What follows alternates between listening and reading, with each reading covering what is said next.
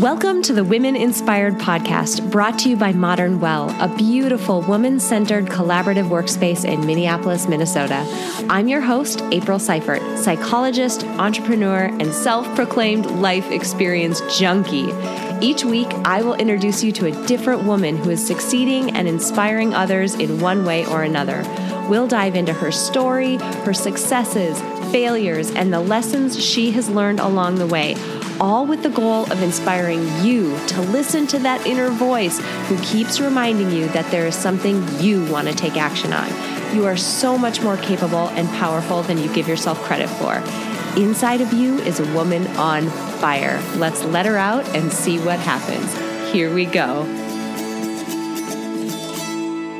Friends, welcome back to the Women Inspired Podcast. My name is April Seifert, and I am your host. And today's episode is another special mini episode of the Women Inspired podcast. And I am focusing on fear. Now, I don't think I'm going too far out on a limb when I say that absolutely nothing holds people back from being the person they want to be, doing the things they want to do, and living the life they want to live more than fear. Fear makes us conform. Fear makes us stay small and quiet and complacent. And fear keeps us inside our comfort zones. And you know how passionate I am about getting people outside of their comfort zones. Fear leads us to live sheltered, half lives that aren't nearly as big and bold and vibrant and aligned and authentic and joyful as they possibly could be. And because of that, I am tackling it head on today. Now, just for a second, permit me to digress because if you caught episode number 39 and number 40 of the podcast where I told my own life story, you know that I'm incredibly passionate about living life to the fullest. Now, the bottom line of those episodes was that each of us is given one single life, just one. You're going to get the one that you're living now. You get one and only one shot to live on this planet. And for most of us, I hate to break it to you, but that shot is going to feel too short. And worse off, if you're an adult and you're listening to this, a big chunk of your life is already over, and you're not getting that back. Your life is finite, precious, and the most incredible gift. And someday it's going to be over. And that's the case for all of us. And I don't want that to bum you out.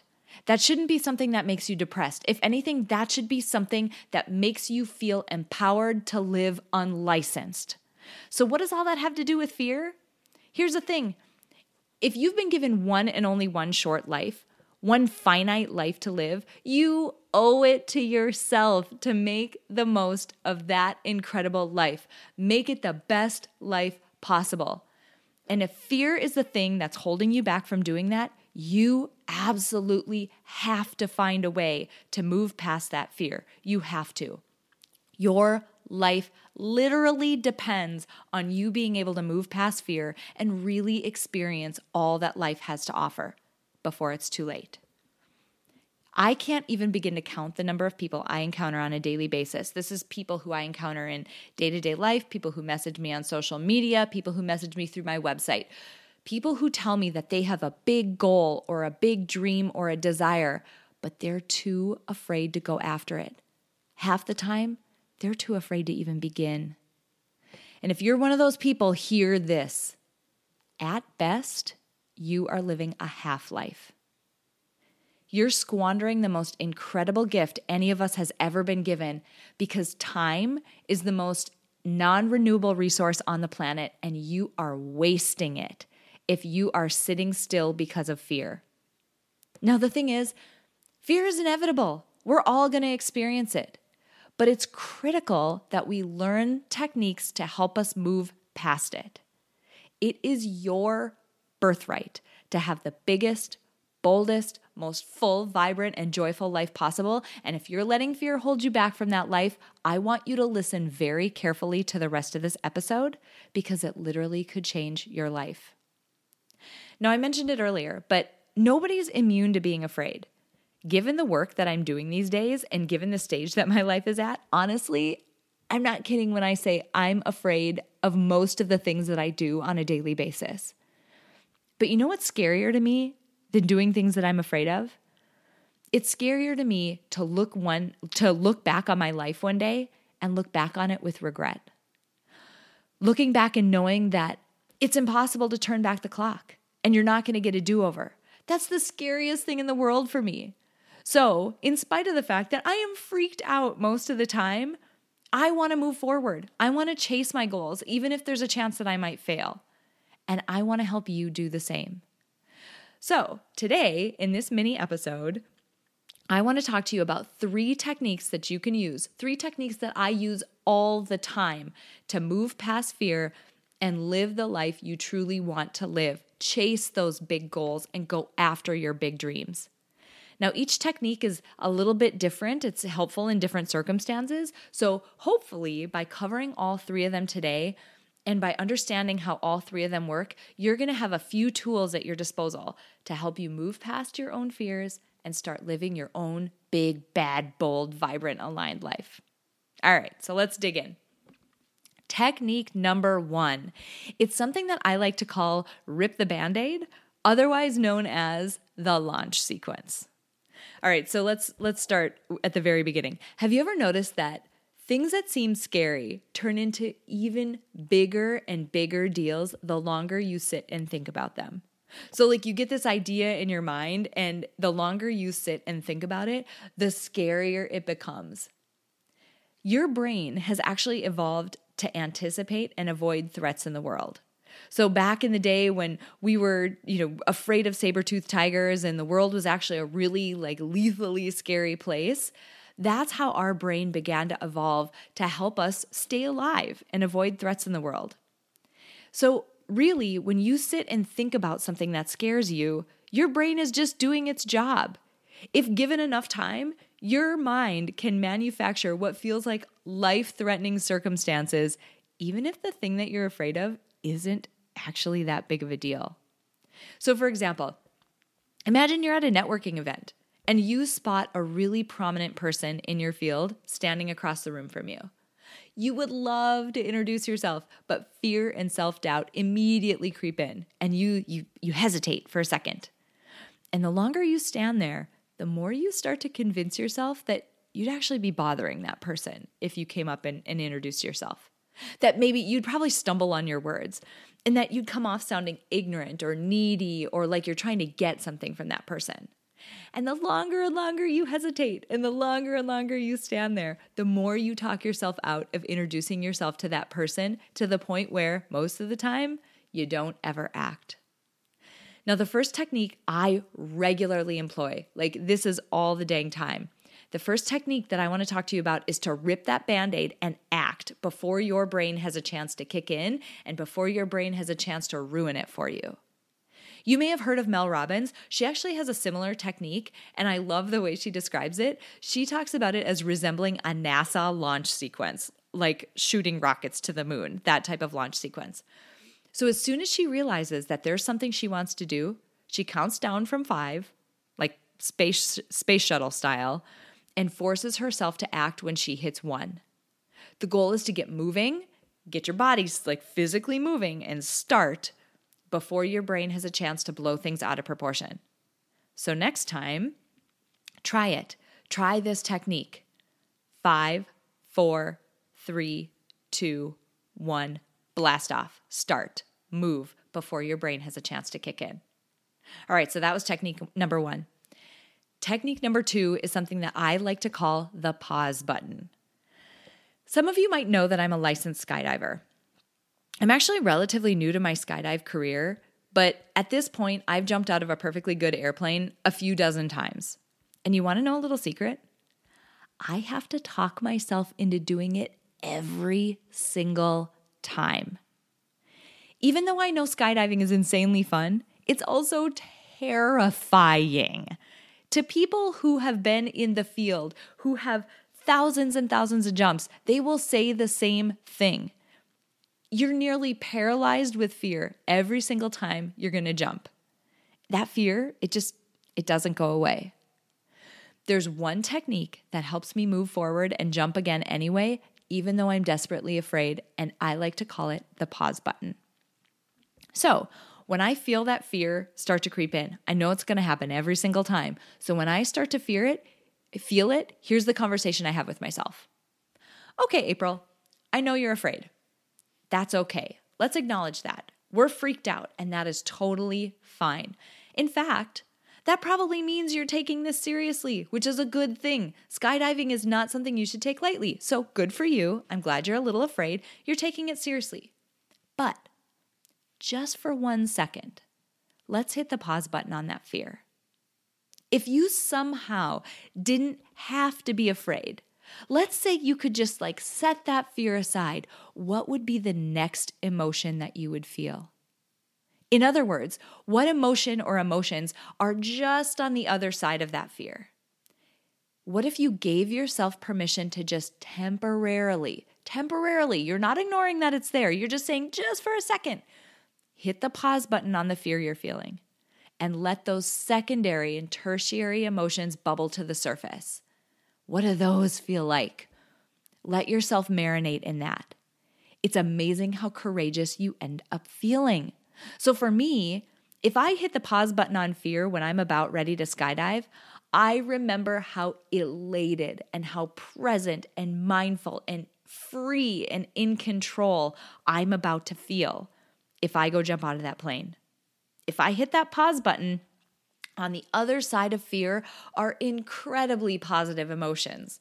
Like incredibly positive emotions. But remember, your brain is wired and has evolved to find fearful, scary, threatening things. So immediately at the outset, we're in we're in an imbalanced mindset. Fear is the only thing you can see.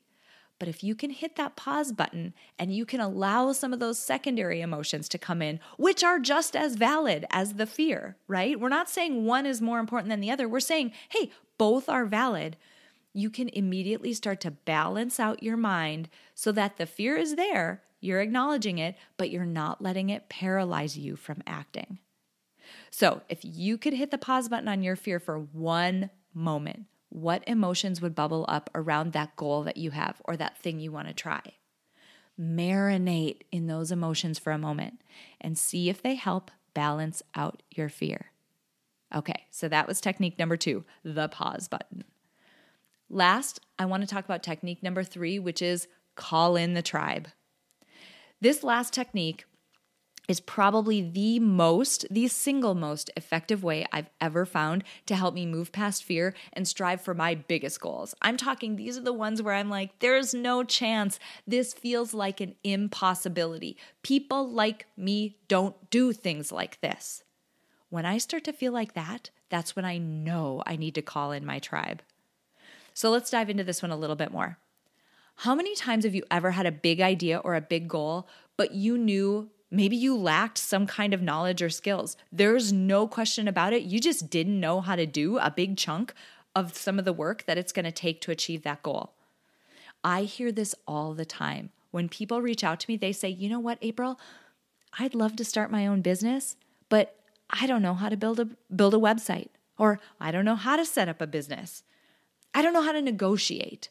I don't think I have the right degree. People aren't going to take me seriously, etc., etc., etc.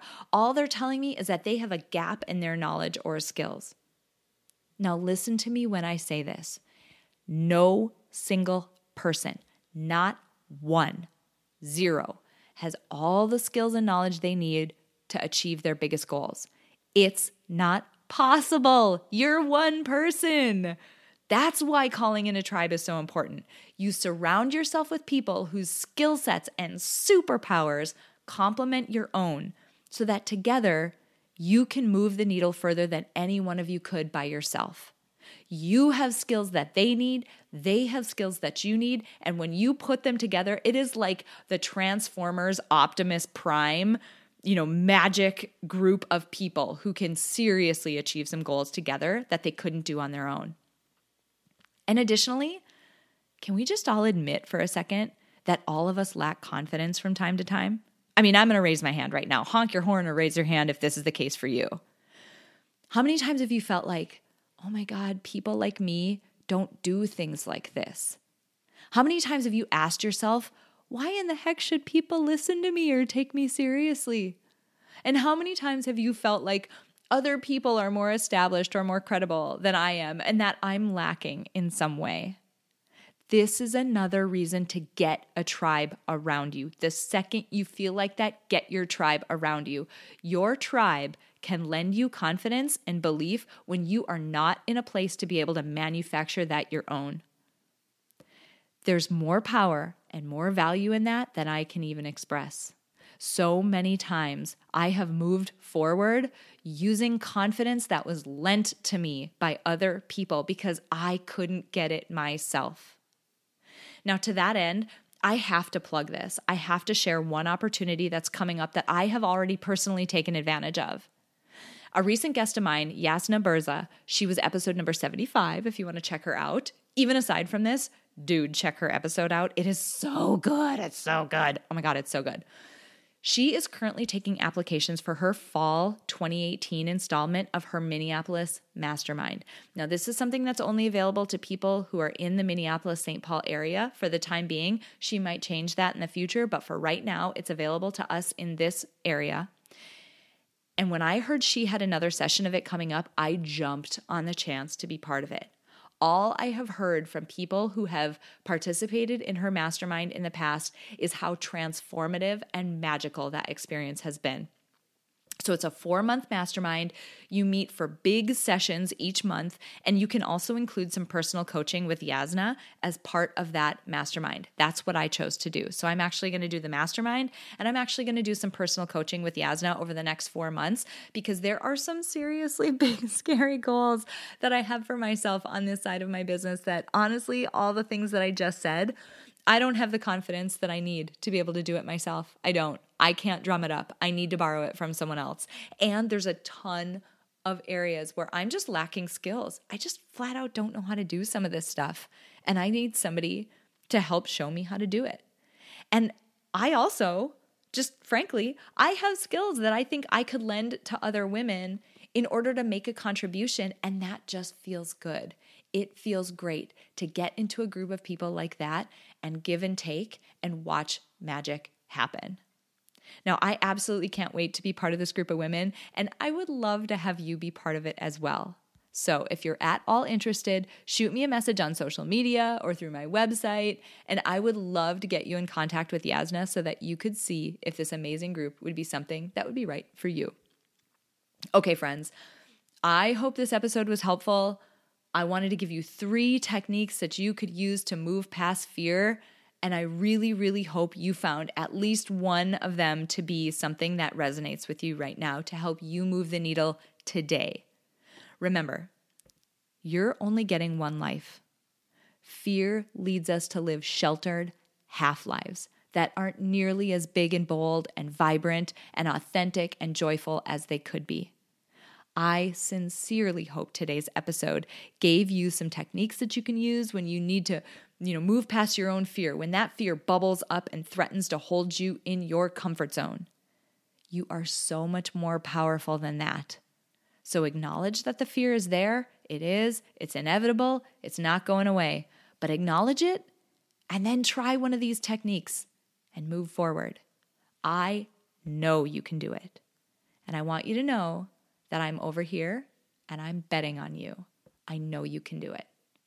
Before we close out today, I want to say thank you to my producer, Cameron Hill, and to my incredible sponsor, Modern Well. If you want to learn more about how you can reach your goals in a one of a kind work life community, visit www.modernwell.co.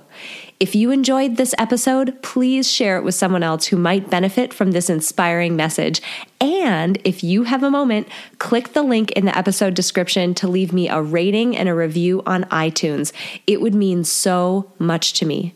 Finally, I want to remind you that it is absolutely possible to live a happy, fulfilling life, even in spite of all of the chaos and demands we all experience. Sign up at aprilseifert.com to gain access to tools that will help you do just that. I have carefully created and curated a set of tools that combine the powerful fields of psychology and design thinking to help you intentionally create a fulfilling, happy life you love. Thank you so much for joining me this week, and until next week, stay inspired.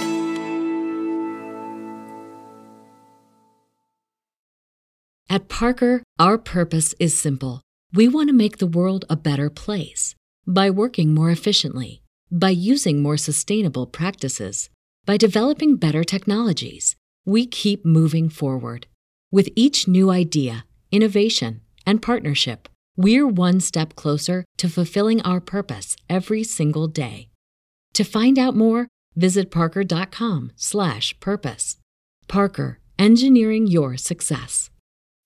As humans, we're naturally driven by the search for better. But when it comes to hiring, the best way to search for a candidate isn't to search at all. Don't search, match with Indeed. When I was looking to hire someone, it was so slow and overwhelming. I wish I had used Indeed. If you need to hire, you need Indeed. Indeed is your matching and hiring platform with over 350 million global monthly visitors, according to Indeed data, and a matching engine that helps you find quality candidates fast. Ditch the busy work. Use Indeed for scheduling, screening, and messaging so you can connect with candidates faster. And Indeed doesn't just help you hire faster. 93% of employers agree Indeed delivers the highest quality matches compared to other job sites, according to a recent Indeed survey. And listeners of this show will get a $75 sponsored job credit to get your jobs more visibility at Indeed.com slash podcast. That's Indeed.com slash podcast. Terms and conditions apply.